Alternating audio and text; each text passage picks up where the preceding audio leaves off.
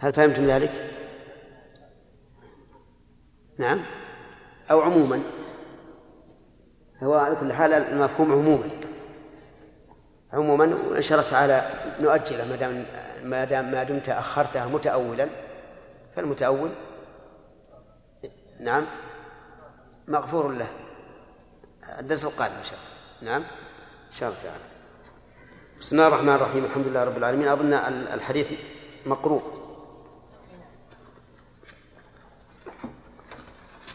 عن سالم بن أبي حاتم رضي الله عنه عن رجال من كبراء قومه أن عبد الله بن سهل ومحيص بن مسعود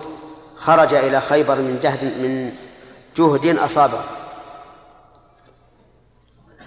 أنا عندي من جهد وهو الصواب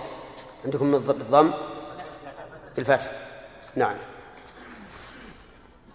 أولا قوله خرج إلى خيبر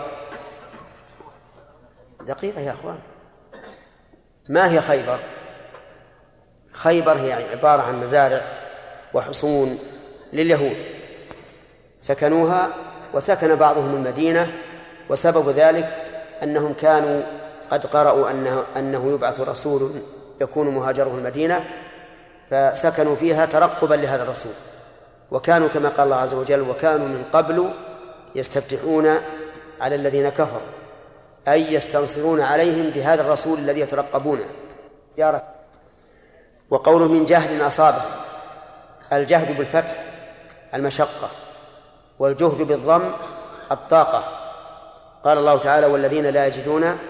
إلا جهدهم أي طاقتهم وفي حديث الوحي ضمني حتى بلغ مني الجهد أي المشقة وقول من جهد أصابهم فخرجوا إلى خيبر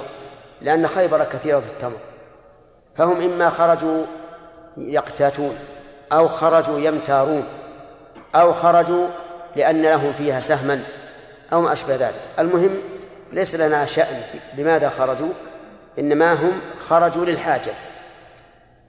فأتي محيصة فأخبر أن عبد الله بن سهل قد قتل وطرح في عين وهذا يدل على أن معهما أحد أن معهما أحدا لأن اليهود لا يمكن أن يأتوا إلى محيص يخبروه يخبرونه بذلك والواقع هكذا أي أن معهم جماعة من قومهم ولعل منهم الكبراء الذين أشار إليهم سهل ابن أبي حثمة فأتى يهود الفاعل محيصة أتى يهود فقال أنتم والله قتلتموه قالوا والله ما قتلناه فهنا مدع ومدعا عليه وكل منهما حلف كل منهما حلف أما الأول محيصة فحلف على غالب على غالب ظنه وأما اليهود فحلفوا إما صدقا وإما كذبا يعني قد يكون غيرهم قتله لأن خيبر فيها أناس لأن خيبر فيها أناس من غير اليهود أو أنهم كذبوا واليهود معروفون بالكذب فأقبل هو وأخوه حويصة وعبد الرحمن بن سهل فذهب محيصة ليتكلم فقال رسول الله صلى الله عليه وعلى آله وسلم كبر كبر يريد السن فتكلم حويصة ظاهر سياق الحديث أن الثلاثة أتوا إلى رسول الله صلى الله عليه وعلى آله وسلم ليخبروه الخبر فأراد محيصة أن يتكلم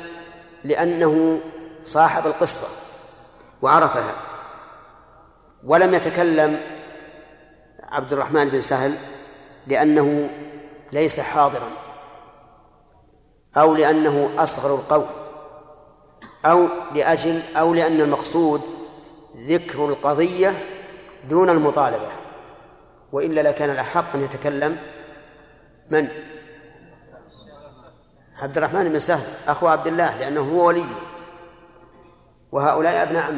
ومحيصة وحويصة ابناء عم للمقتول لكن أراد أن محيصة أن يتكلم مع أنه دون أخيه لماذا؟ لأنه هو الذي صاحب القصة وعرفها ولم يتكلم عبد الرحمن لماذا؟ إما لصغره أو لأنه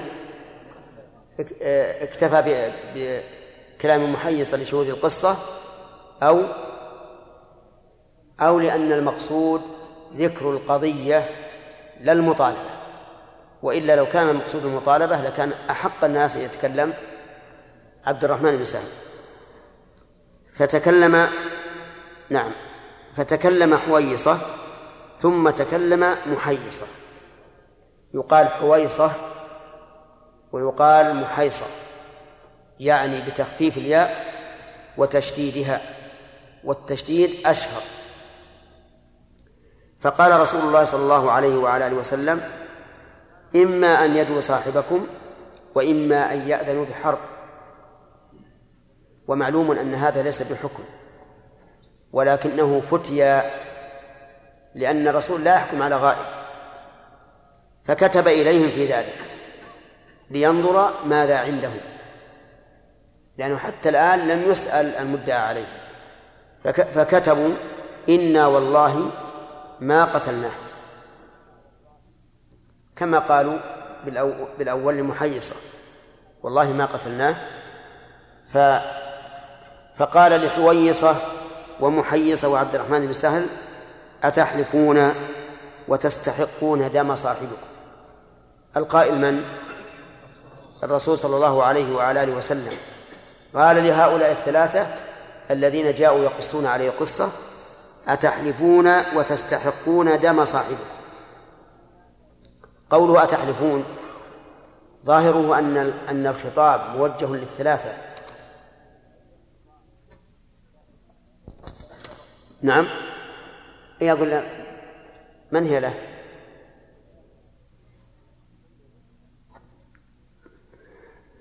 فيقول أتحلفون وتستحقون دم صاحبكم قوله أتحلفون ظاهر الخطاب أنه موجه للثلاثة وتوجيهه لعبد الرحمن واضح لأنه وارث الدم لكن المشكل توجيهه لمن؟ لحويصة ومحيصة لأنهما ليس لهما حق في الدم فيقال إن هذا من باب التغليب ولأنهما لما جاء يطالبان بالدم صح توجيه الخطاب إليهما ثم عندما يوجه الخطاب فعلا فالذي يحلف من هم ورثة عبد الله بن سهل وهو وهم أخوه وإذا كان وارث آخر وبهذا يزول الإشكال هذا ما ذكره العلماء وقرروه ويحتمل أن القضية أصبحت ليست قضية عين أو شخصي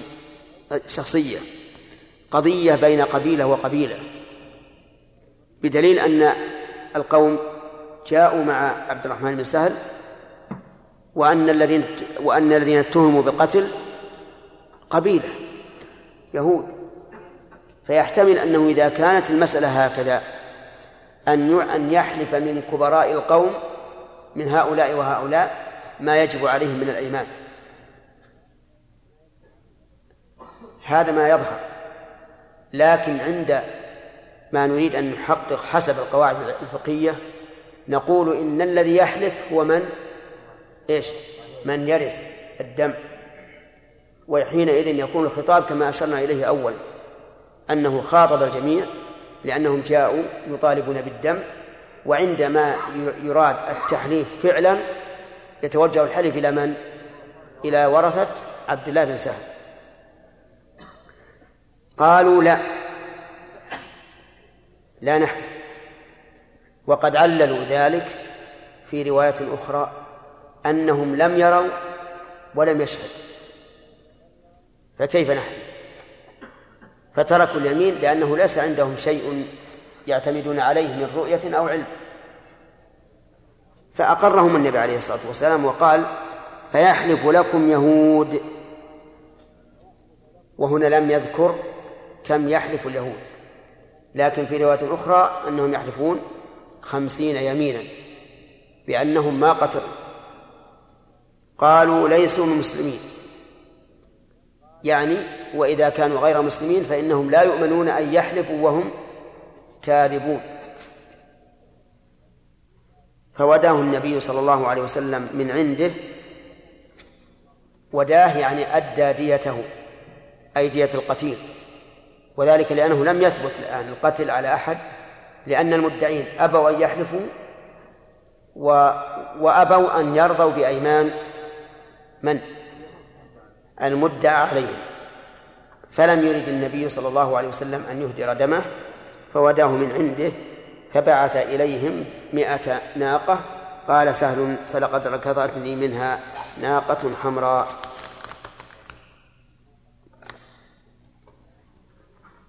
هذا هو شرح الحديث بقي أن يقال متى كان هذا هذا الذهاب إلى إلى خيبر نقول كان بعد فتحها ذهبوا إليها وهي يومئذ صلح لكن هل هو في أول سنة في ثاني سنة هذا لا يهم المهم أن القضية وقعت بعد أن فتحت خيبر وعن رجل من الأنصار أن رسول الله صلى الله عليه وسلم أقر القسامة على ما كانت عليه في الجاهلية وقضى بها رسول الله صلى الله عليه وعلى آله وسلم بين ناس من الأنصار في قتيل ادعوه على اليهود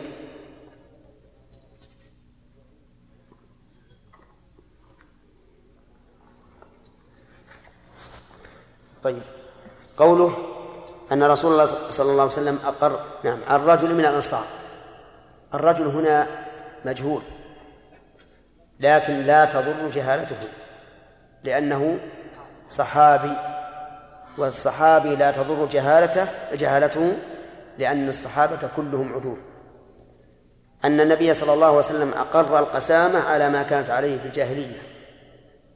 أقرها يعني حكم بها وقول على ما كان في الجاهلية ننظر كيف كانت القسامة في عهد الرسول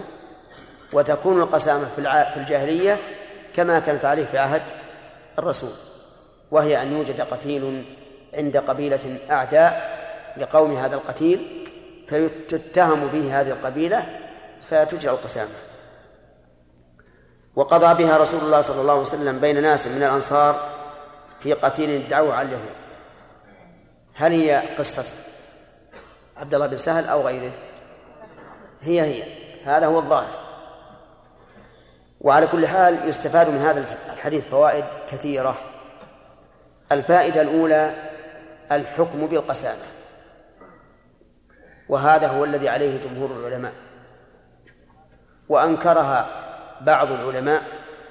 من الصحابة والتابعين ومن بعدهم ووجه إنكارهم إياها أنها خارجة عن قواعد الدعاوي خارج عن قواعد الدعاوي وقد أشرنا قبل هذا الدرس إلى الوجوه التي خرجت فيها عن ايش؟ عن قاعدة الدعاوى وأجبنا عن ذلك بما فيه الكفاية وسبق وأما الجمهور فحكموا بها حكموا بها ولكن أما على وفق ما جاء به النص فمتفق عليه بين الجمهور يعني في دعوى قتل قتيل قتل عند قبيلة معادية هذا لا أحد من الجمهور يخالف فيه لكن في بعض المسائل سيأتي التنبيه عليها ومن فوائد هذا الحديث أننا لا نأمن من اليهود يعني معناه أن اليهود ليسوا أمناء ودليل ذلك أن ظاهر الحال أنهم هم الذين قتلوا عبد الله بن سهل ولا غرابة أن يغدروا فهم عاهدوا الرسول كل القبائل الثلاث بنو النضير وبنو قينقاع وبنو قريضة كلهم عاهدوا النبي عليه الصلاة والسلام حين قدم المدينة وكلهم نكثوا العهد لم يفي أحد منهم وهم أعني اليهود من أغدر الناس وأكذب الناس وهم الطائفة التي التي وصفها ابن القيم رحمه الله في كتاب إغاثة اللهفان بالأمة الغضبية يعني المغضوب عليهم ومن فوائد هذا الحديث آه، أنه إذا قتل شخص ولم يعلم عين قاتله وليس هناك عداوة توجب التهمة فإنه لا قسامة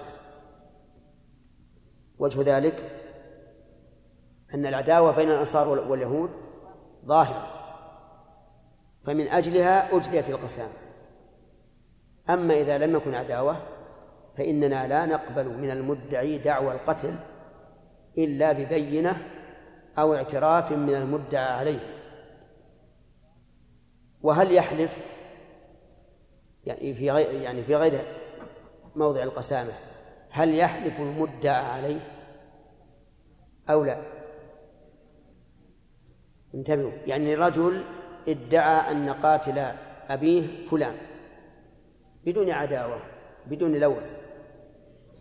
فهل يحلف المدعى عليه قال قال العلماء إن كانت الدعوى في قتل خطأ فإنه يحلف المدعى عليه وإن كانت في قتل عمد فإنه لا يحلف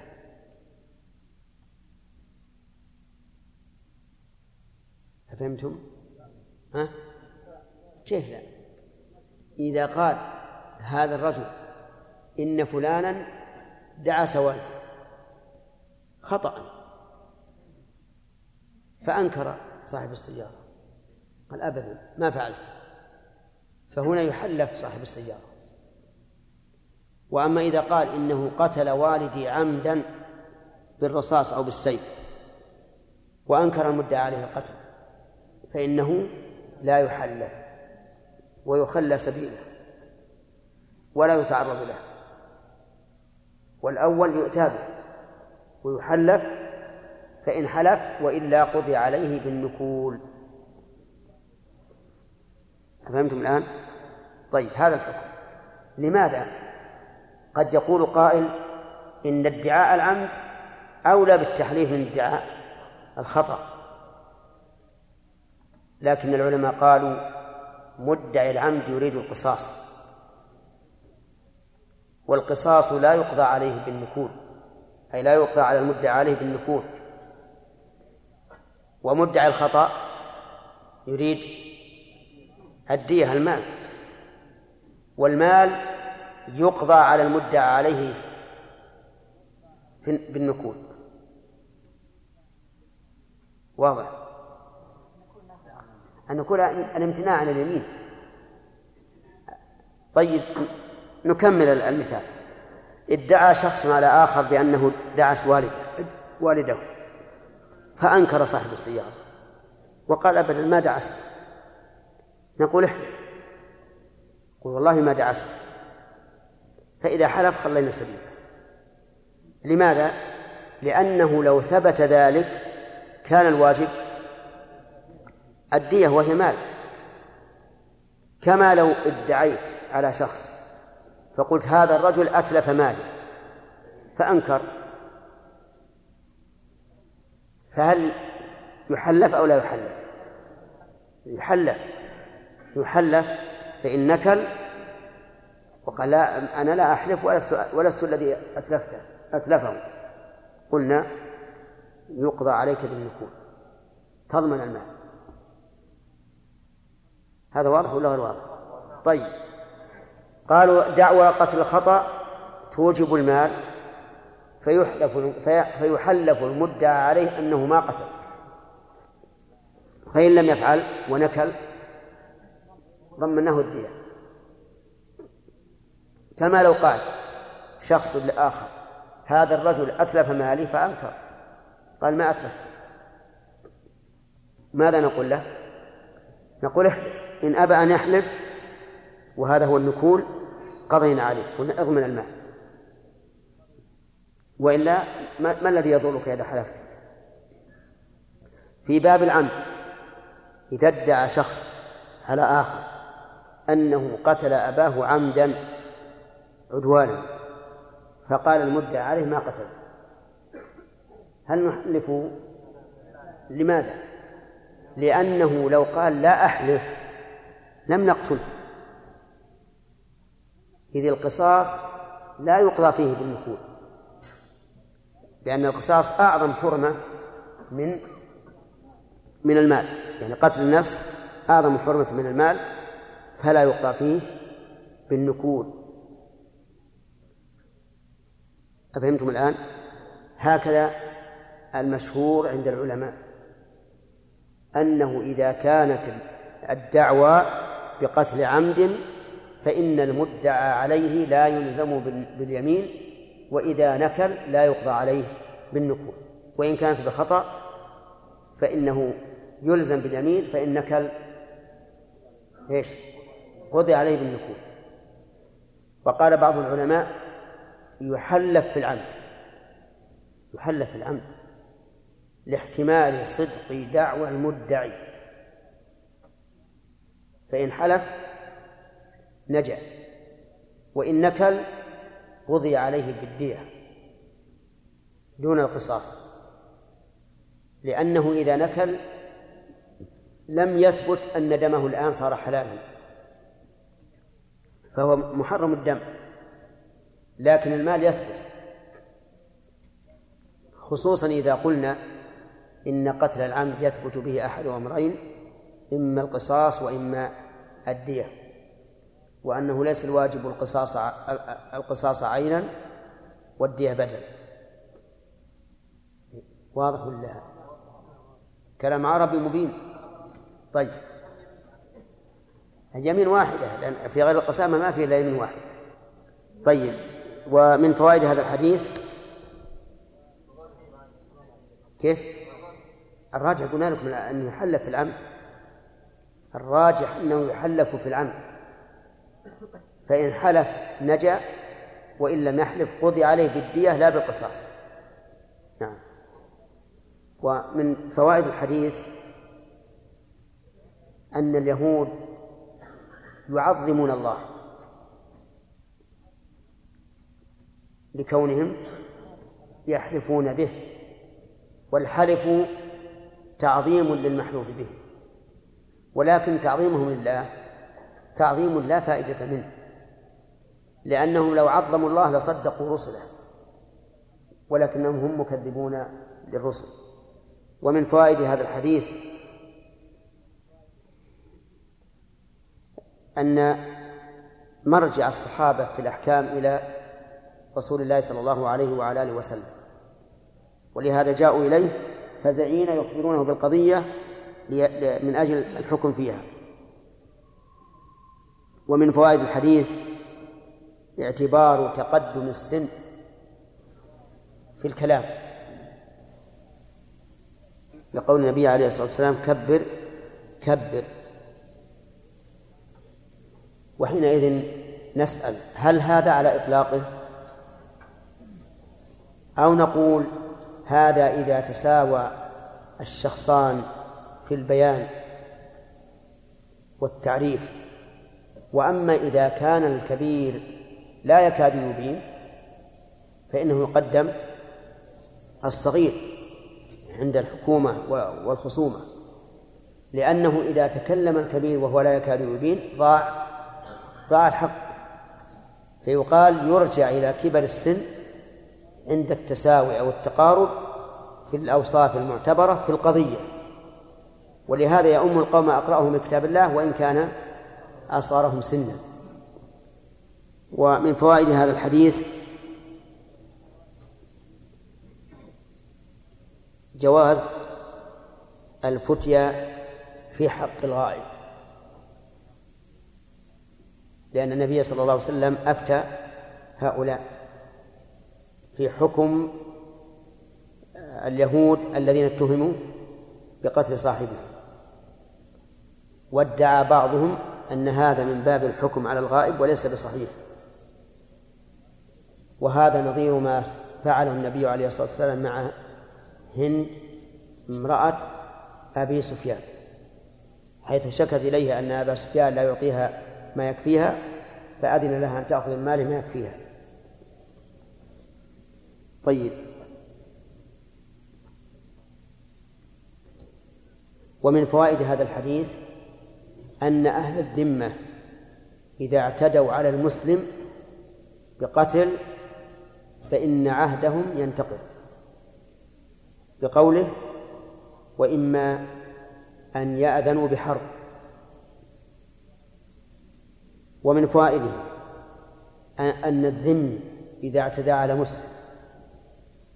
ثم أراد أن يضمن مع موجب عدوانه فإنه يبقى على عهده لقول الرسول عليه الصلاة والسلام إما أن يدعو صاحبكم وإما أن يأذنوا بحرب وقيل بل ينتقض العهد مطلقا بمجرد العدوان بمجرد العدوان لأن مجرد اعتداء مع المسلم انتهاك لحرمة المسلمين وإهدار للعهد ومن فوائد الحديث جواز المكاتبة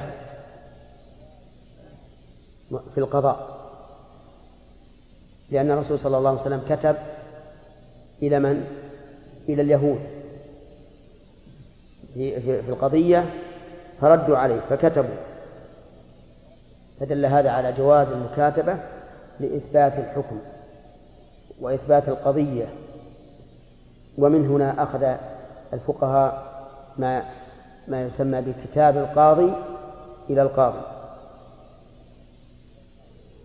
ومن فوائد الحديث أنه يبدأ في القسامة بأيمان من؟ المدعين والمدعى عليهم بأيمان المدعين بقوله أتحلفون وتستحقون دم صاحبكم فإن قال قائل كيف كانت اليمين في جانب المدعي والنبي صلى الله عليه وسلم جعلها في جانب المنكر قلنا إن اليمين لا تكون في جانب المدعى عليه وهو المنكر دائما وإنما تكون اليمين في جانب أقوى المتداعين فمن قوي جانبه شرعت اليمين في حقه ومن فوائد الحديث أن القسامة يؤخذ فيها بالقصاص من أين تؤخذ؟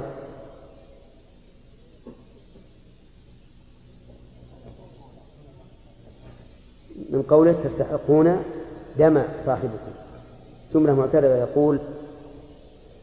طيب من فوائد الحديث أنه يجري القصاص في باب في باب القسامة لقوله تستحقون دم صاحبه وهذا هو الصحيح الذي عليه جمهور العلماء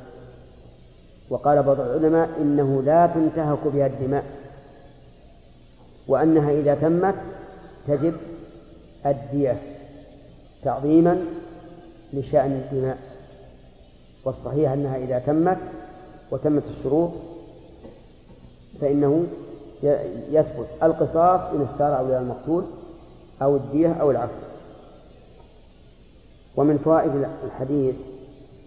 الاعتداد بحلف الخصم وإن كان كافرا من أين يؤخذ؟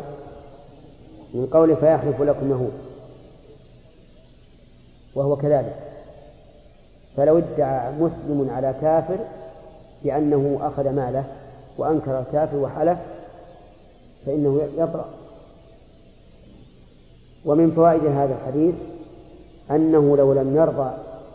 المدعون بأيمان القسامة إيه، بأيمان المدعى عليهم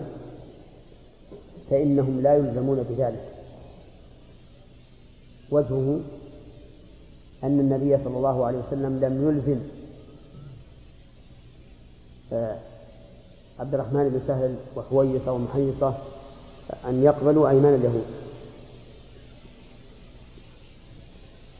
ومن فوائد هذا الحديث أنه إذا جرت القضية على مثل ما جاء به الحديث فإنه يجب دفع ديته من بيت المال لقوله فوداه النبي صلى الله عليه وسلم من عنده ووجه الوجوب ألا يضيع ألا يضيع دم مسلم هدرا ومن فوائد الحديث أن الأصل في الدية الإبل لقوله فبعث إليهم مئة ناقة والحديث هنا يقول مئة ناقة وقد سبق أنها من أربعة أصناف منها ذكور ما الجمع بين هذا وما سبق يقال أن الجمع أن ما سبق في بيان الواجب وما هنا على سبيل التبرع ومن فوائد هذا الحديث جواز تأكيد الحديث بما يصحبه من حادثة يعني جواز تأكيد الخبر بما يصحبه من حادثة لقول سهل فلقد ركبتني منها ناقة حمراء ومن هنا أخذ المحدثون باب المسلسل المسلسل وهو حكاية الراوي الحالة التي كان عليها حين التحديث أو أن يذكر كلمة قالها شيخه حين التحديث أو ما أشبه ذلك هذا ما يتعلق بفوائد الحديث وفيه مسائل المسألة الأولى الحديث ورد في قتل النفس فهل يلحق بها الجراح يعني لو أننا وجدنا رجلا مقطوعة يده أو رجله عند قبيلة معادية فهل تجرى القسامة؟ في هذا خلاف بين العلماء منهم من قال إنها تجرى بقسامة لأن ما ثبت في النفس ثبت في الطرف لقوله تعالى والجروح قصاص والعدو ربما لا يقتل عدوه ولكن يقطع يديه ورجليه وموته أهون عنده من قطع يديه ورجليه أهون عند المصاب والصحيح أنها تجرى القسامة في الأطراف والتعليل ما ذكرت لكم أن ما جرى في النفس يجري في الطرف وأما قول بعضهم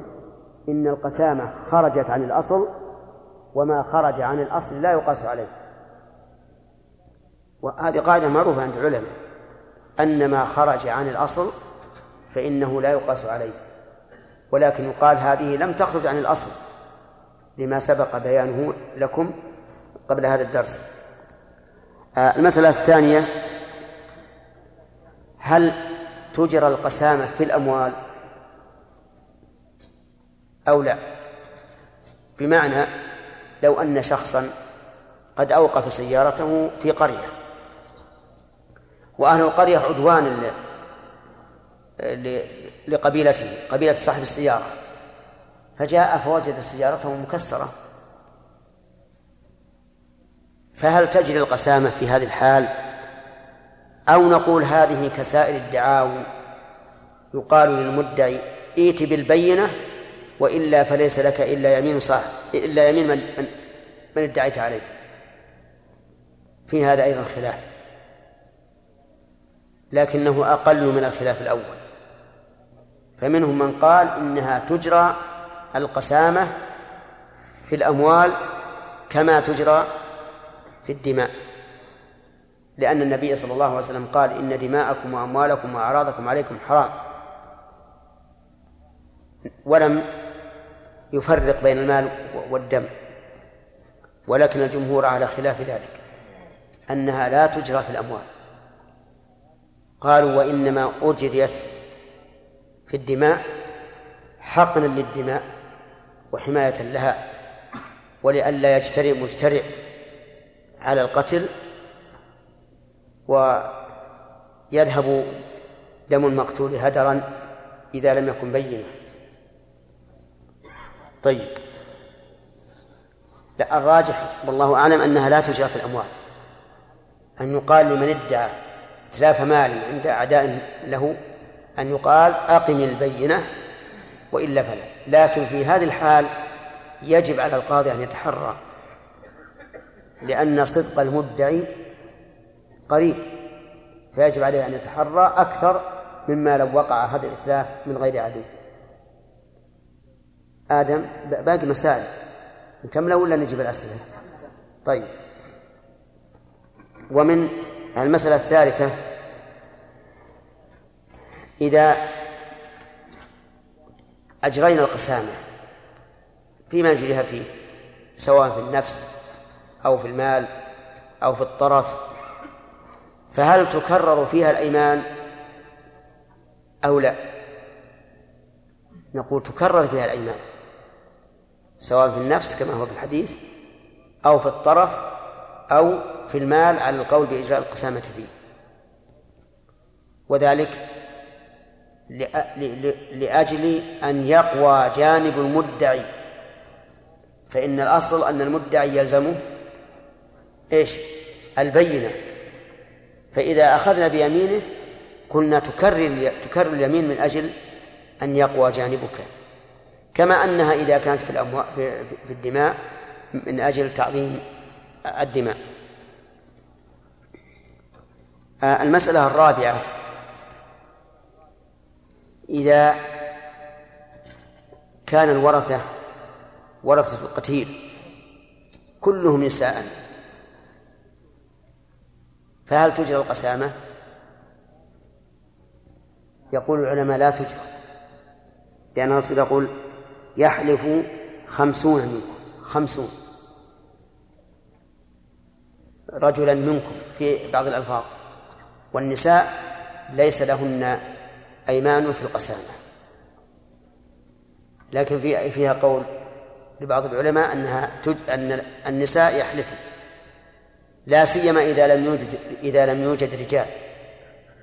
فإن لهم الحلف المسألة الخامسة نعم أتوقف في هذا آه، المسألة الخامسة هل يشترط تعيين المدعى عليه أو يجوز أن يدعي على جماعة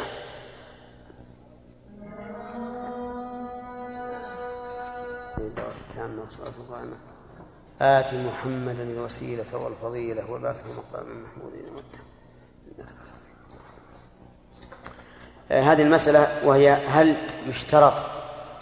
تعيين المدعى عليه وأن يكون واحدا فيها أو يجوز تجوز الدعوة على أكثر من واحد الجمهور على أنها لا بد أن تكون على واحد بعينه بقوله في بعض ألفاظ الحديث يحلف خمسون رجلا منكم على رجل منهم على رجل منهم ولأن القتيل واحدا فلا نقتل به أكثر إلا ببينة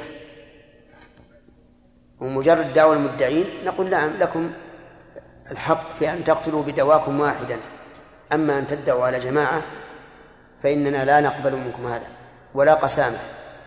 إما أن تأتوا ببينة أو أو يقر هؤلاء وإلا فلا حق لكم وهذا أقرب إلى الصواب وقيل إنه يجوز أن يدعي أهل القتيل على جماعة لكن يعينونهم وقيل يجوز أن يدعوا على القبيلة كلها ويختارون منهم خمسين رجلا يحلفون إذا أنكرت القبيلة وهذه مسائل سبب الخلاف فيها أن القضية وقعت مرة واحدة في عهد الرسول عليه الصلاة والسلام واختلفت فيها الروايات ثم اختلفت فيها أوجه النظر بين العلماء هل هي مسألة خارجة عن القياس فلا يقاس عليها أو موافقة للقياس فيقاس عليها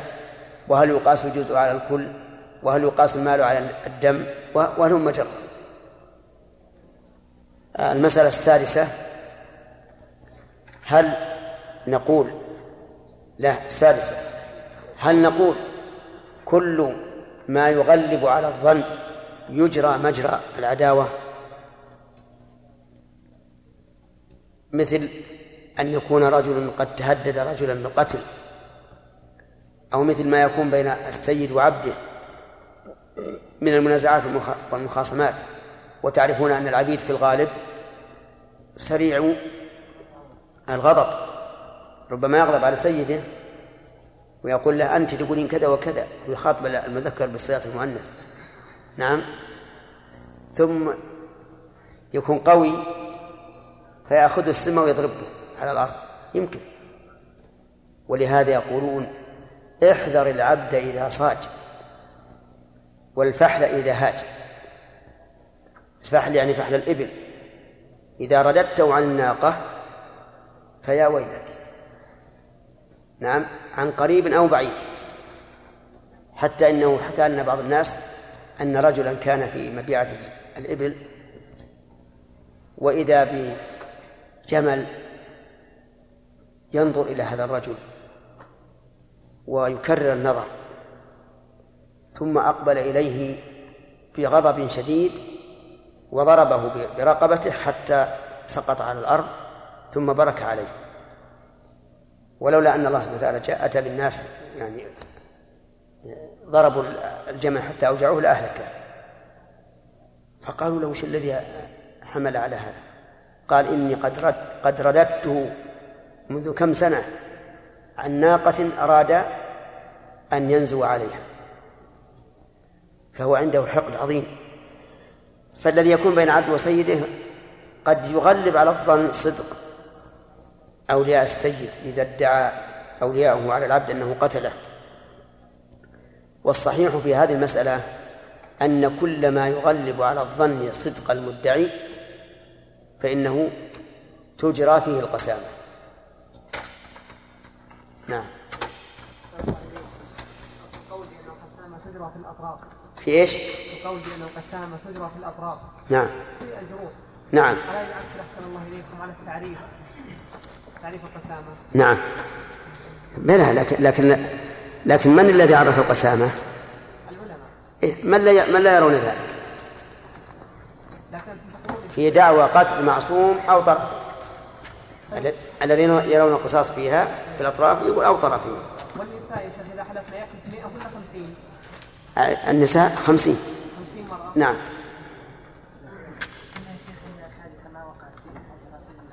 نعم نعم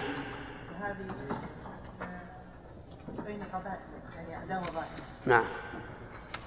فيمكن يا شيخ وقلنا ذلك ان ما كان في الجاهليه فهو عداوه ظاهره الجاهليه فيها عداوات ظاهره أعظم مما كان في الإسلام كيف؟ لا لا بس هم لأنهم تعرف اللي يخرج عن القياس أو عن الأصل يكون ضيق يعني لا يعمل فيه إلا بما بما وقع في التحديد ايش؟ اي لكن لكن الاخرون يقولون يقاس عليه ايش؟ نعم أي نعم إذا كانوا أكثر من خمسين قالوا يقرأ بينهم على خمسين فقط نعم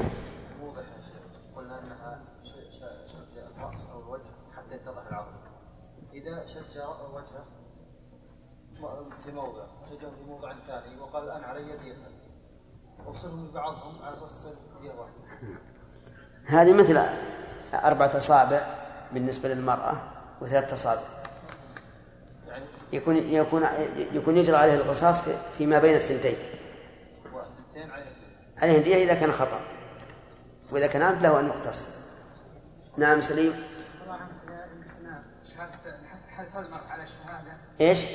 أقول حلف النساء على الشهادة على على الاسامه أي نعم على على الشهادة مفهوم من شهادة النساء أي نعم لأن لأن المرأة هنا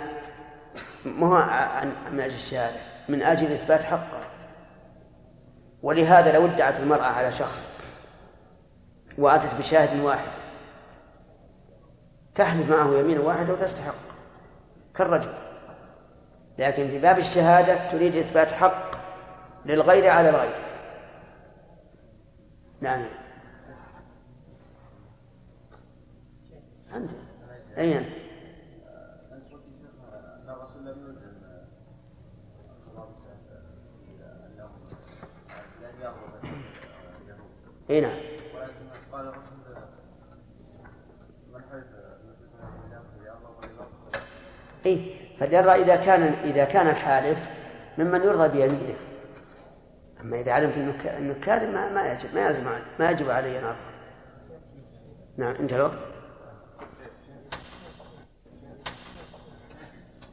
الشيخ الحديث الاول حديث باب الدم والقسامه في قال فقر الحديث قال سهل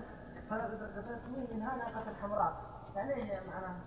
المعنى انه يقول متاكد هذا من باب تاكيد الخبر ان يذكر الحال التي حصلت له في هذه القصه مثل لو قلت حدثني فلان وهو يركب السياره نعم يعني عشان كذا الصحابي ذكر الجمله هذه اي نعم نعم علينا أشكل علينا يقول أن اليمين نعم، على قولنا أن اليمين تكون مع أقوى المتداعين والحديث عام اليمين على من أنكر هذا طيب هل هذا أول أول نص عام خصص ولا لا؟ يعني ما في الدنيا نص عام خصص طيب هذا خصص السنة قضى النبي صلى الله عليه وسلم بالشاهد مع اليمين وقضى في القسامة وهي في جانب المدعي الأيمان فإذا ثبتت السنة بشيء فإنها تخصص العام كما تقيد المطلق يقول طاعة ولاة الأمور تابعة لطاعة الله تعالى فإذا كانوا يجاهرون بالمعاصي ويحاربون من يدعون إلى الله فهل يجب علينا الخروج عليهم ومحاربتهم كلا الخروج عليهم حرام في هذه الحال ولكن نسأل الله لهم الهداية يسأل الله لهم الهداية لأن الرسول ما أجاز الخروج إلا بشروط خمسة وعرفتها شرحناها لكم وطالب العلم إذا شرحت له المسألة وبينت له الشروط ما هو يسأل ما هو بيسأل عن المسائل الفردية طالب العلم طالب علم كالطبيب إذا درس الطب فالمسائل الحادثة ينزلها على القواعد التي عنده الرسول عليه الصلاة والسلام شرط أن تروا كفرا بواحا عندكم فيه من الله برهان وشرحنا لكم هذا أليس كذلك؟ ولا ما شرحناها؟ شرحناها شرحناها لكم وقلنا الرؤية هي العلم والكفر دون الفسق آه، فوق الفسق وأن الوالي لو كان يزني ويسرق ويقتل بغير حق بدون استئذان لذلك فإنه لا يجوز الخروج عليه حتى لو كان يسكر بالليل والنهار لكنه لم يصل إلى حد الكفر الصريح اللي ما يحتاج ما يحتمل التأويل وعندنا فيه من الله برهان وهناك شرط خامس مأخوذ من عموم الأدلة وهي القدرة على مقاومته فإن كنا نخرج ولكن تعود المسألة إلينا فهذا لا شك أنه تهور وأنه من إلقاء من الإلقاء بالنفس إلى التهلكة والخروج على الأئمة ليس بالأمر الهين وسب الأئمة على رؤوس الأشهاد ليس بالأمر الهين الواجب على الإنسان أن يسلك مسلك السلف في هذا نعم اللي هذه عند الأخ خلصتها؟ طيب أعطي الميكروفون سمعنا إياه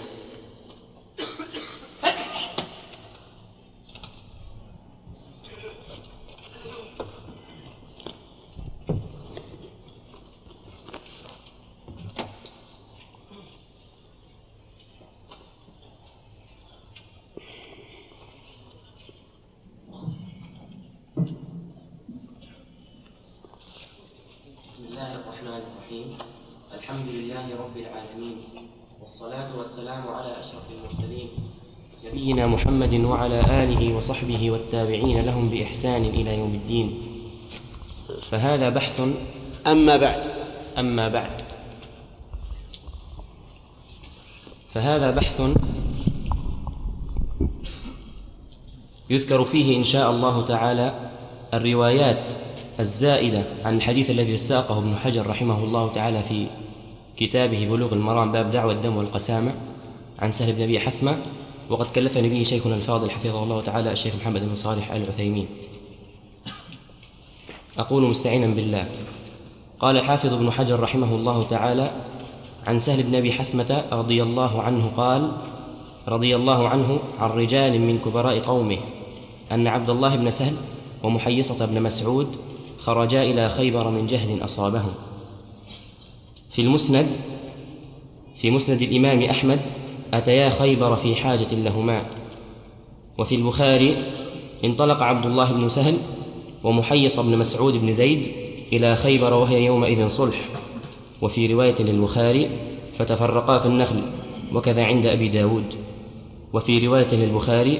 أن نفرا من قومه انطلقوا إلى خيبر, إلى خيبر فتفرقوا فيها وعند الترمذي حتى إذا كانا بخيبر تفرقا في بعض ما هنالك وعند النسائي من جهد أصابهما وعند الطبراني خرج قوم من الأنصار فقتل رجل منهم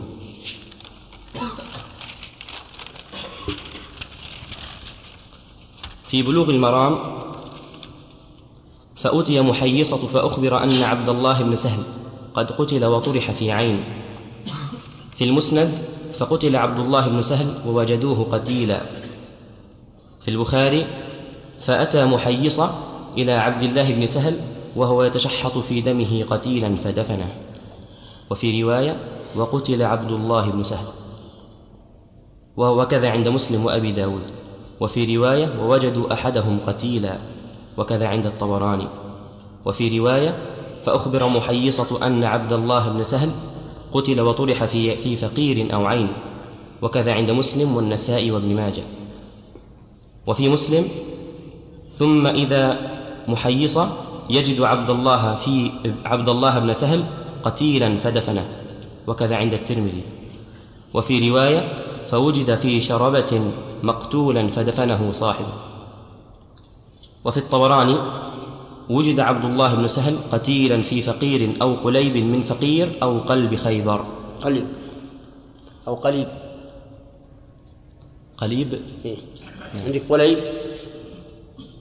عندي قليب بس أراجعها إن شاء الله إيه، لا هي قليب معروف نعم القليب البئر أو قليب من فقير أو قلب خيبر في البلوغ فأتى يهود فقال أنتم والله قتلتموه قالوا والله ما قتلناه في البخاري وقالوا للذي وجد فيهم قد قتلتم صاحبنا قالوا ما قتلنا ولا علمنا قاتلا وفي مسلم فاتهموا اليهود وكذا عند أبي داود في البلوغ فأقبل هو وأخوه حويصة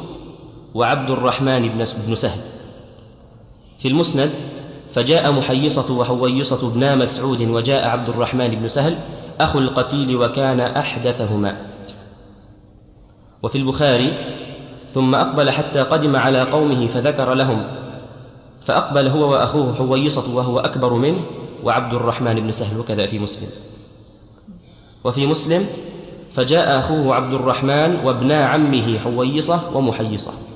وكذا عند أبي داود والطبراني وفي النساء ثم أقبل حتى قدم على رسول الله صلى الله عليه وسلم فذكر ذلك له ثم أقبل هو,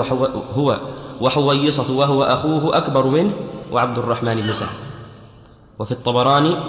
فأتى النبي صلى الله عليه وآله وسلم أخوه عبد الرحمن وعماه حويصة ومحيصة في البلوغ عماه مشهور انه ما ابن عم لكن هذا إما أن يكون وهم من الراوي أو تجوزا نعم في البلوغ فذهب محيصة ليتكلم في المسند فأتوا رسول الله صلى الله عليه وآله وسلم فتكلم فبدأ الذي أولى بالدم وكانا هذين أسن في البخاري فذهب عبد الرحمن يتكلم وكذا عند مسلم وأبي داود والترمذي والطبراني وفي رواية للبخاري فقالوا يا رسول الله انطلقنا إلى خيبر فوجدنا أحدنا قتيلا وفي رواية فأقبل هو وأخوه حويصة وهو أكبر منه وعبد الرحمن بن سهل فذهب ليتكلم وهو الذي كان بخيبر وكذا عند مسلم وابن ماجه وفي مسلم ليتكلم قبل صاحبيه وفي رواية وهو أصغر منهم عن عبد الرحمن نعم وفي الطبراني فتكلم أصغرهم في البلوغ فقال رسول الله صلى الله عليه واله وسلم كبر كبر يريد السن في المسند كبر الكبرى كذا عند البخاري ومسلم والطبراني وفي البخاري فقال كبر كبر وهو احدث القوم فسكت وفي روايه الكبرى الكبرى وكذا عند ابي داود والطبراني وفي مسلم فقال رسول الله صلى الله عليه واله وسلم كبر فصمت وفي الترمذي قال له رسول الله صلى الله عليه وآله وسلم كبر للكبر فصمت في البلوغ فتكلم حويصة ثم تكلم محيصة في المسند فتكلما في أمر صاحبهما وكذا عند مسلم وأبي داود وفي البخاري فتكلموا في أمر صاحبهم وفي مسلم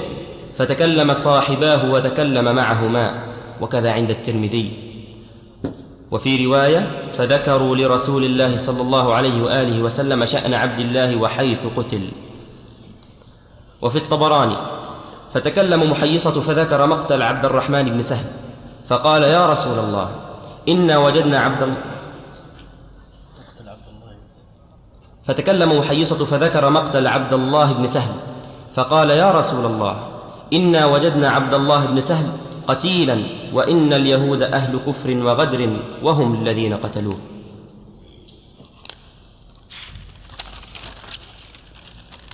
في البلوغ فقال رسول الله صلى الله عليه وآله وسلم إما أن يدوا صاحبكم وإما أن يأذنوا بحرب فكتب إليهم في ذلك فكتبوا إنا والله ما قتلناه في البخاري وإما أن يؤذنوا بحرب وكذا عند مسلم والنسائي وفي رواية للبخاري فكتب ما قتلناه كتبوا ولا كتبوا فكتب طيب. في البلوغ فقال لحويصة ومحيصة وعبد الرحمن بن سهل عبد وعبد الرحمن بن سهل أتحلفون وتستحقون دم صاحبكم في المسند استحقوا صاحبكم أو قتيلكم بأيمان خمسين منكم وفي البخاري وتستحقون قاتلكم أتحلفون وتستحقون قاتلكم أو صاحبكم وكذا عند مسلم والترمذي وفي رواية قال أتستحقون قاتلكم أو قال صاحبكم بأيمان خمسين منكم وفي رواية للبخاري أيضا فقال لهم أتأتون بالبينة على من قتله وكذا عند الطبراني وفي مسلم أتحلفون خمسين يمينا وكذا عند الترمذي وفي رواية يقسم خمسون منكم على رجل منهم فيدفع برمته وعند أبي داود فليدفع برمته وعند ابن ماجه تقسمون وتستحقون في البلوغ قالوا لا في المسند قالوا يا رسول الله لم نشهد فكيف نحلف كذا عند مسلم والترمذي والطبراني وعند البخاري قالوا وكيف نحلف ولم نشهد ولم نرى وفي روايه امر لم نره وفي روايه ما لنا بينه وكذا عند الطبراني وفي مسلم قالوا امر لم نشهد كيف نحلف وكذا عند ابي داود وفي روايه ما شهدنا ولا حضرنا وعند ابن ماجه قالوا يا رسول الله كيف نقسم ولم نشهد وعند الطبراني كيف نحلف على ما لم نحضر ولم نشهد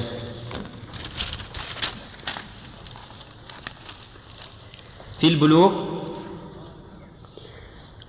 قال فيحلف لكم يهود في المسند قال فتبرئكم يهود بخمسين أيمانا منهم في البخاري قال فتبرئكم يهود بخمسين وفي رواية فتبرئكم يهود في أيمان خمسين منهم وكذا عند مسلم وأبي داود وفي مسلم قال فتبرئكم يهود بخمسين يمين وكذا عند الترمذي خمسين يمينا قال فتبرئكم يهود بخمسين يمينا وكذا عند الترمذي وفي رواية قال فيحلف لكم يهود وكذا عند النسائي وابن ماجه وعند ابن ماجه فتبرئكم يهود وعند الطبراني فتبرأ إليكم يهود بخمسين يمينا وفي رواية قال فأيمانهم في البلوغ قالوا ليسوا بمسلمين وفي المسند قالوا قوم كفار كذا عند البخاري ومسلم وأبي داود والطبراني في البخاري فقالوا كيف نأخذ أيمان قوم كفار وفي رواية قالوا لا نرضى بأيمان اليهود وكذا عند الطبراني وفي مسلم قالوا وكيف نقبل أيمان قوم كفار وكذا عند الترمذي وعند ابن ماجه قالوا يا رسول الله إذا تقتلنا وفي الطبراني قالوا كيف نقبل أيمان قوم مشركين وفي رواية إذا يقتلنا يهود ثم يحلفون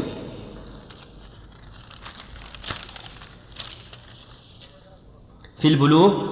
فوداه رسول الله صلى الله عليه وآله وسلم من عنده في البخاري فعقله النبي صلى الله عليه وآله وسلم من عنده وفي رواية فوداهم رسول الله صلى الله عليه وآله وسلم من قبله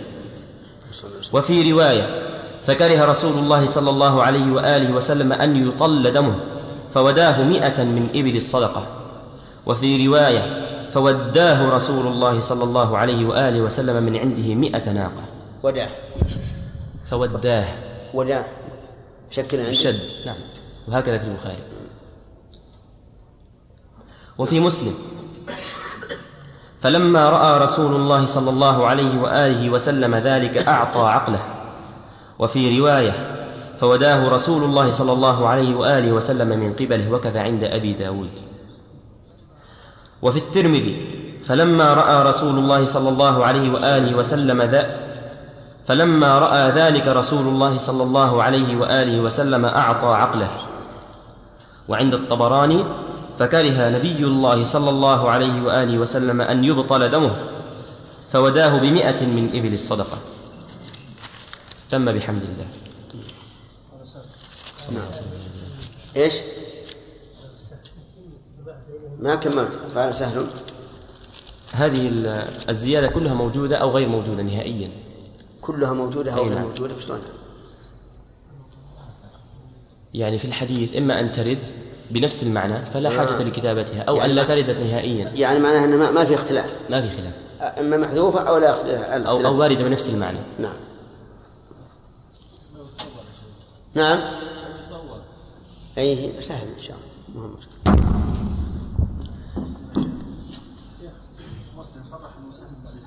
ها؟ ايش؟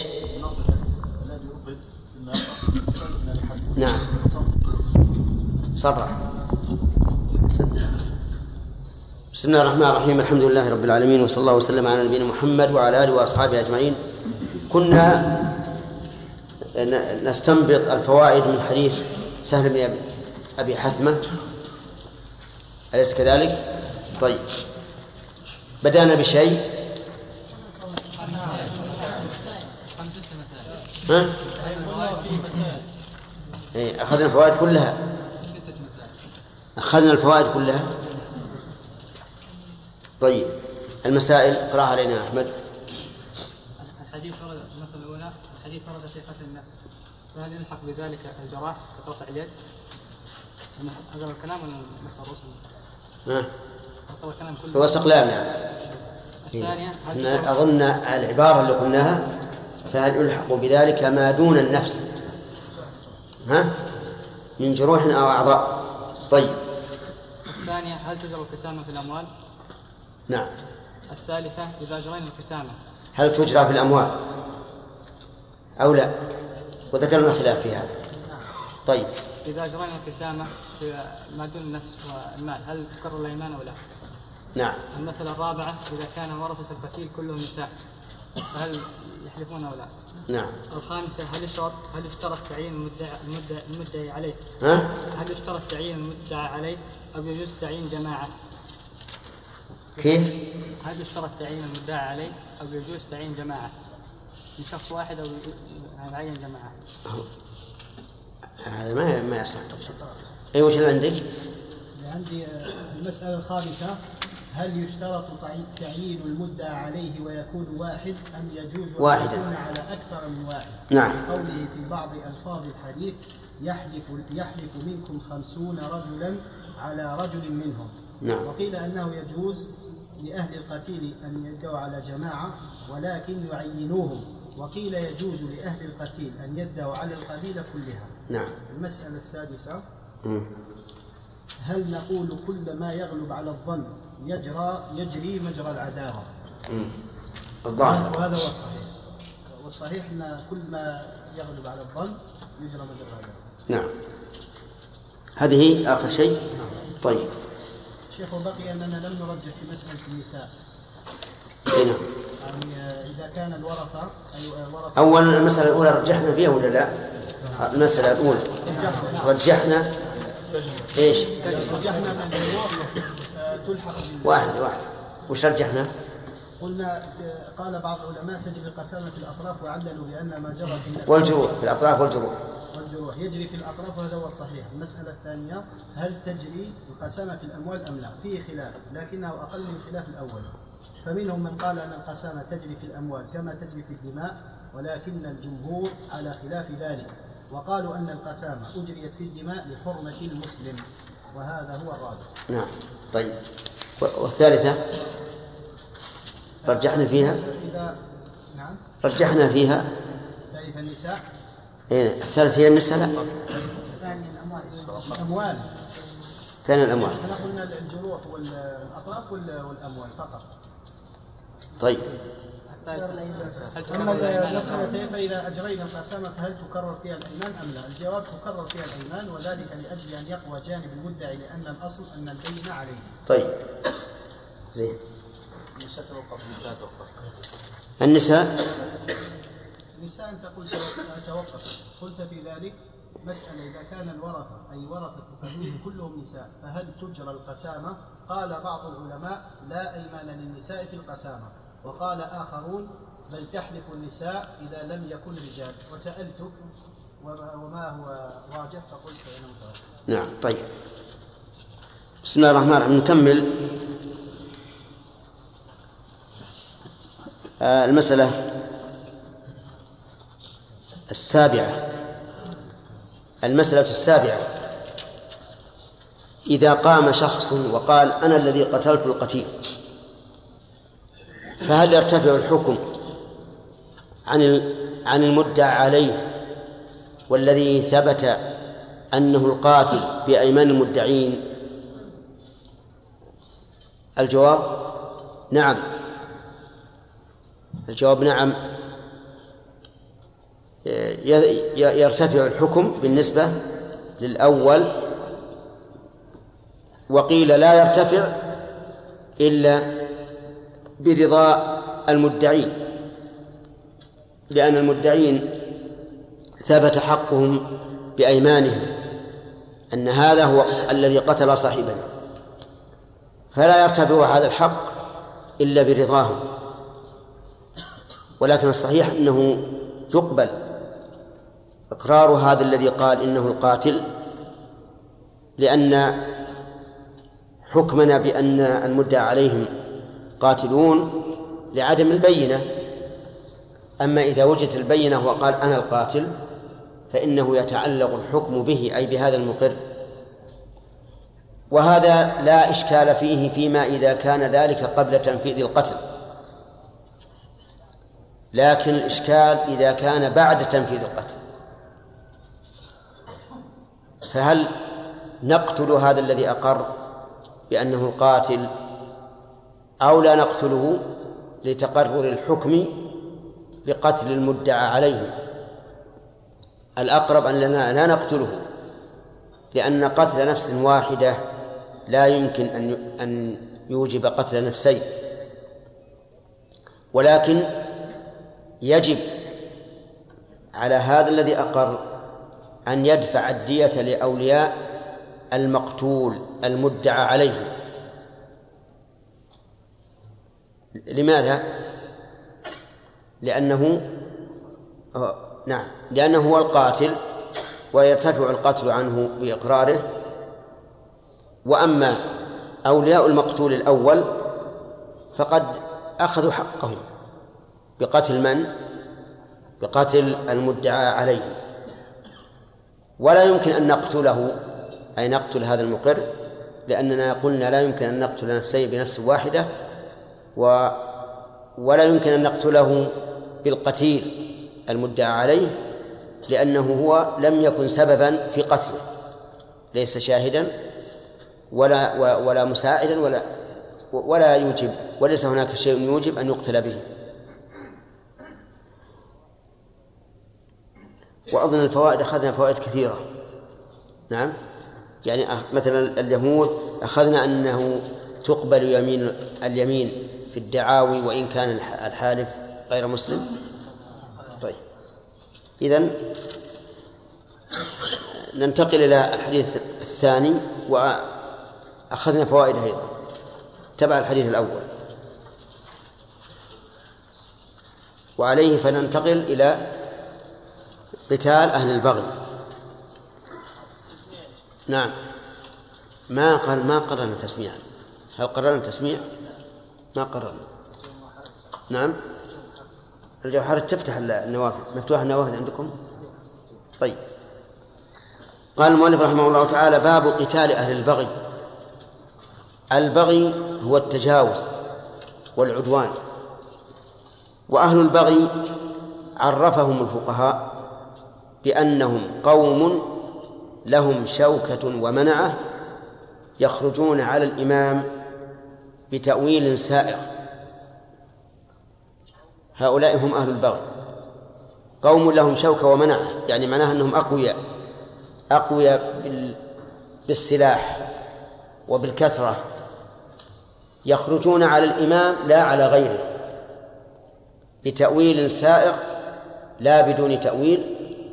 ولا بتأويل غير سائغ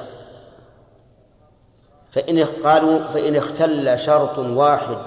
من ذلك فإنهم خوارج فإذا لم يكن لهم شوكة ومنعة فهم خوارج وإذا خرجوا على جزء من البلاد فهم خوارج وإذا خرجوا بغير تأويل فهم خوارج وإذا خرجوا بتأويل غير سائغ فهم خوارج والخوارج لا يعاملون معاملة أهل البغي ولكن يعاملون بمعاملة أخرى ربما يأتي في كلام في الحديث ما يدل عليه فما موقف الإمام من هذه الفئة الباغية هل يستسلم أو يقاتله نعم نقول يجب أن يقاتله ويجب على الرعية أن يساعدوه في ذلك ولكنه قبل القتال يراسلهم ويسألهم ماذا ينقمون منه إن ادعوا مظلمة وجب عليه إزالتها رفعا للظلم ودفعا للفتنة وإن ادعوا مشكلة كشفها لهم وبينها لهم فإن أصروا على القتال فإنهم بغاة فإنهم بغاة يجب على ولي الأمر على الإمام أن يقاتلهم ويجب على الرعية أن يساعدوه بالنفس والمال لقول الله تعالى وإن طائفتان من المؤمنين اقتتلوا فأصلحوا بينهما فإن بغت إحداهما على الأخرى فقاتلوا التي تبغي أمر بقتالهم حتى تفيء إلى أمر الله وأما التخلي عن الإمام في مثل هذه المواقف فإنه لا يجوز إذ لا فائدة من البيعة ولا فائدة من الرعاية إذا كان الإمام سيخلى في مثل هذه الأمور العظيمة ثم إذا عندنا تعريف البغاة وماذا يجب على الإمام نحوهم وماذا يجب على الرعية نحو الإمام فتعريف البغاة قوم لهم شوكة ومنعة يخرجون على الإمام بتأويل سائغ والواجب على الإمام مراسلته وبيان ماذا يدعون فإن ذكروا ذكروا مظلمة وجب عليه رفعها وإزالتها رفعا للظلم ودفعا للفتن وإن ذكروا شبهة كشفها وبينها إذا قالوا مثلا ما حجتك أن تفعل كذا وكذا قال حجتي أن هذا جائز ثم يذكر الدليل ما و... ما يجب على الرعية نحو الإمام إذا عاندوا وأصروا على القتال الواجب مساندة الإمام ومساعدته بالنفس والمال والدليل لذلك قوله تعالى وإن طائفتان من المؤمنين اقتتلوا فأصلحوا بينهما فإن بغت إحداهما على الأخرى فقاتلوا التي تبغي حتى تفيء إلى أمر الله ثم ذكر المؤلف حديث عبد الله بن عمر رضي الله عنهما قال قال رسول الله صلى الله عليه وعلى آله وسلم من حمل علينا السلاح فليس منا من حمل علينا السلاح ليقتلنا به فليس منا وهذا تبرؤ من منه أي ممن حمل السلاح ولكن هل هذا النفي أو هذا التبرؤ تبرؤ مطلق بحيث يكون حامل السلاح كافرا أو تبرؤ دون تبرؤ كقوله من غش فليس منه الجواب في ذلك تفصيل إن كان هذا الخارج مستحلا لقتال المؤمنين فإنه كافر كفرا مخرجا عن المله وإن كان باغيا وليس مستحلا لقتال المسلمين لكن متأول فهذا ليس كافرا لكنه بلا شك خارج عن عن المسلمين من حيث الموالاة والمناصرة والمدافعة لأن الواجب للمسلم على أخيه الموالاة والمناصحة والمدافعة والمؤمن للمؤمن كالبنيان يشد بعضه بعضا في هذا الحديث من الفوائد أن حمل السلاح على المسلمين من كبائر الذنوب وفيه ومن فوائده أيضا أنه بعمومه يشمل من حمل السلاح على المسلمين بطائفة ممتنعة أو حمل السلاح وحده على واحد من المسلمين فإنه يدخل في قوله من حمل علينا السلاح فليس منا ومن فوائد الحديث تحريم قتال المسلمين بعضهم بعضا وذلك لتبرؤ النبي صلى الله عليه وسلم من من من حمل السلاح عليه ويدل لهذا قوله صلى الله عليه وعلى اله وسلم لا ترجعوا بعدي كفارا يضرب بعضكم رقاب بعض فقول يضرب تفسير لقوله كفارا ويدل لذلك أنه صلى الله عليه وعلى آله وسلم قال سباب المسلم فسوق وقتاله كفر فمن فمن فمن الكفر أن يحمل الإنسان السلاح على إخوانه وأن يقاتله والقتل أعظم من المقاتلة القتل أعظم من المقاتلة لأن القتل إثمه أعظم ومن يقتل مؤمنا متعمدا فجزاؤه جهنم خالدا فيها وغضب الله عليه ولعنه وأعد له عذابا عظيما وعن أبي هريرة رضي الله عنه عن النبي صلى الله عليه وسلم قال من خرج عن الطاعة وفارق الجماعة ومات فميتته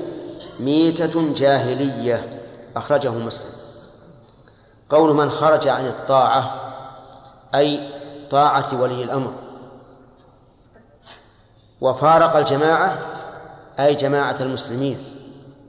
لأن جماعة المسلمين ملتفة حول ولاة أمورها تطيع ولاة الأمور في غير المعصية فإذا شذ إنسان منهم ومات فإن ميتته جاهلية والعياذ بالله يعني كأنه مات قبل البعثة أو المعنى ميتته جاهلية أي مات على الجهل العظيم والسفه البالغ حيث خرج عن الجماعة وخرج عن الطاعة وفارق الجماعة فقول وقوله من خرج عن الطاعة هذا ليس على عمومه بل هو مقيد بما إذا لم يؤمر بمعصية فإن أمر بمعصية وجب عليه المخالفة لأنه لا طاعة لمخلوق في معصية الخالق طيب فإن, فإن أجبر على هذه المعصية وقيل له افعل وإلا قتلناك أو حبسناك أو أخذنا مالك أو حبسنا أهلك أو ما أشبه ذلك فإنه له أن يخرج من هذا الإكراه بالفعل غير مطمئن به لقوله تعالى من كفر بالله من بعد إيمانه إلا من أكره وقلبه مطمئن بالإيمان ولكن من شرح بالكفر صدرا فعليهم غضب من الله إلا أنه يشترط أن لا يكون ذلك قائما مقام الجهاد فإن كان ذلك قائما مقام الجهاد فإنه لا يحل له أن يستسلم للإكراه لأنه في هذه الحال يكون مجاهدا والجهاد فرض على الإنسان مثل مقام الإمام أحمد رحمه الله حين أبى أن يقول إن القرآن مخلوق ولو بالتأويل مع أن كثيرا من العلماء أيام المحنة قالوا إنه مخلوق لكن بتأويل فإذا كان هذا الرجل إذا استسلم لما أكره عليه لزم من استسلامه إضلال الأمة فإنه في هذه الحال لا يجوز أن يستسلم لماذا؟ لأنه ليس يريد إنجاء نفسه فقط هو إذا أنجى نفسه من الهلاك أهلك الأمة بالضلال فإذا كان فإذا كان انقياده واستسلامه لهذا الإكراه يستلزم إضلال الخلق وجب عليه الصبر وسيجعل الله له بذلك مخرجا كما جعل الإمام أحمد وغيره آه، فمن فوائد الحديث تحريم الخروج عن الطاعة وهذا مقيد بما ذكرنا لكم تحريم مفارقة الجماعة أي جماعة المسلمين حتى وإن كنت ترى أنك على حق فاتهم رأيك ما دمت تخالف جماعة المسلمين لأنه لا شك أن الرأي المجمع عليه أقرب إلى الصواب من الرأي الذي انفرد به واحد أو اثنان أو ثلاثة فالواجب فيجب الاتحاد مع الجماعة وعدم مفارقتهم ومن فوائد هذا الحديث أن من مات على هذه الحال أي على حال الاستكبار عن طاعة ولي الأمر وعلى حال مفارقة الجماعة فإنه يموت ميتة جاهلية لأن أهل الجاهلية ليس لهم إمام وليس لهم دين ينضون تحته فهو يموت ميتة جاهلية ثم ذكر حديث ام سلمه وانتفر للاسف نعم. لو ان الامام ابى ان يراسلهم او انه لما راسلهم ابى ان يكشف الظلم الذي يشتكون منه. نعم. هل يجب القتال مع الامام؟ في هذه الحال يكونون خوارج. يكونون خوارج والخوارج معلوم انه يحرم عليهم الخروج على الامام. لكن يجب علينا المسلمين وقتال مع يجب علينا أن نقاتل إذا التزم الإمام بإزالة الظلم لأن لأنه في هذا الحال قد لا يخضع لهم في إزالة الظلم لئلا يركبوا عليه لكن لو أننا نحن قلنا لا بد من إزالة الظلم وإلا لم نقاتل معك فهنا يخضع نعم نعم وليس في رقبته بيعه ومن تجوز على البدو والرحى يتنقلون من دوله الى دوله نعم نقول يلزمون انه اي نعم لابد ان الناس اللي يتنقلون من بلد الى بلد او من حكومه الى حكومه او دوله الى دوله لابد ان يكون لهم دوله يعتقدون مبايعتها والا ماتوا ميته الجاهليه ورد في السنه ان فتنه الصحابه التي وقعت بعد الصحابه ان الفئه التي ضد علي هي الباقية اصبر شوي. بيجينا بالحديث اللي, اللي وقفنا عليه. السؤال يا شيخ مساعدة الإمام لأن علي رضي الله عنه طلب من بعض الصحابة مساعدته ورفض. نعم مشتبه عليهم الأمر. نعم. ايش؟ العزلة؟ لا العزلة فيها يعني فيها تفصيل ليس كل عزلة محمودة ولا كل عزلة مذمومة اعتزال الشر وأهل الشر واجب واعتزال المسلمين والخروج عن طاعة الإمام محرم وصلى على محمد اللهم رب العالمين والصلاة والرحمة محمد الوسيلة والفضيلة وبس المقام المولى من حمل السلاح يا شيخ على مزحة هل يدخل بالتحريم؟ كيف؟ من حمل السلاح يمزح مع أخيه أي نعم لا يجوز أي نعم لا يجوز الإشارة بالسلاح لا جادا ولا لاعبا وكم من بلاء حصل بالمسح أحيانا يمزح على أخيه يشر عليه المسدس مثلا وقد يكون عالما بأن فيه رصاصة وقد لا يكون ثم يحصل البلاء نعم نعم فقاتله ما قتل اي بيجينا ان شاء الله نعم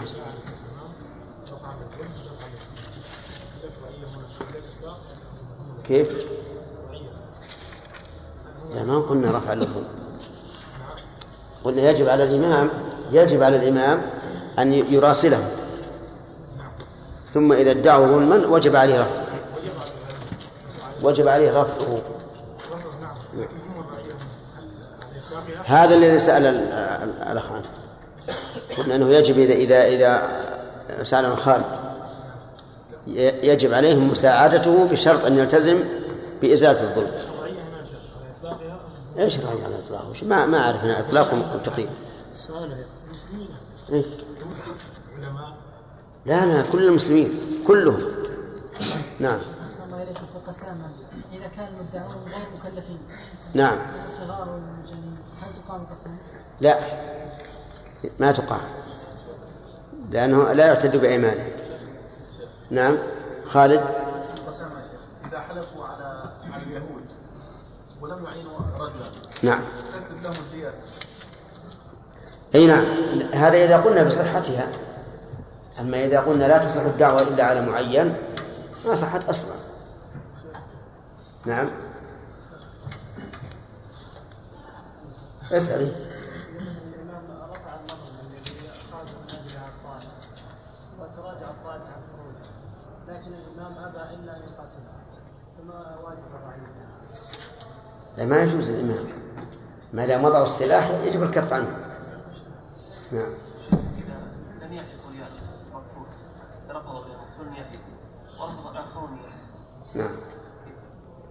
فهو يودى من عنده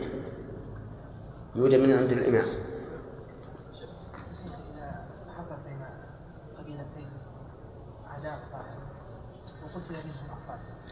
إيش؟ قتل من قبيلتين أفراد كل يزيد يعني بغاة ولا ايش؟ لا إيه. فساد. وقتل قتلا قد كيف يعني اذا تقاتلوا ما صار فساد. لا لا خفيفة يعني ها؟ طيب. ما هي فيها. نعم يعني شخصين ثلاثة تقاتل شخصين شخصين ثلاثة نعم كل يدعي توجد القسامة ما دام إلا إذا قلنا بأنها لا تصح على أكثر من واحد فإنها لا تصح يقال للذين ادعوا إذا ك... إذا كانت دعواهم بقتل عمد فإنها لا تسمع وإذا كان بخطأ تسمع ويحلف إذا قتل كلهم نعم طيب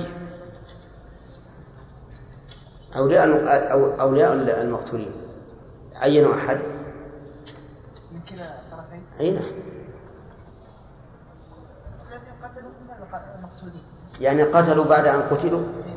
قتلوا بعد أن قتلوا؟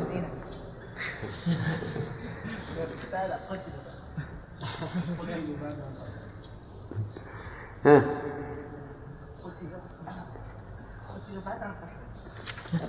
من قتلهم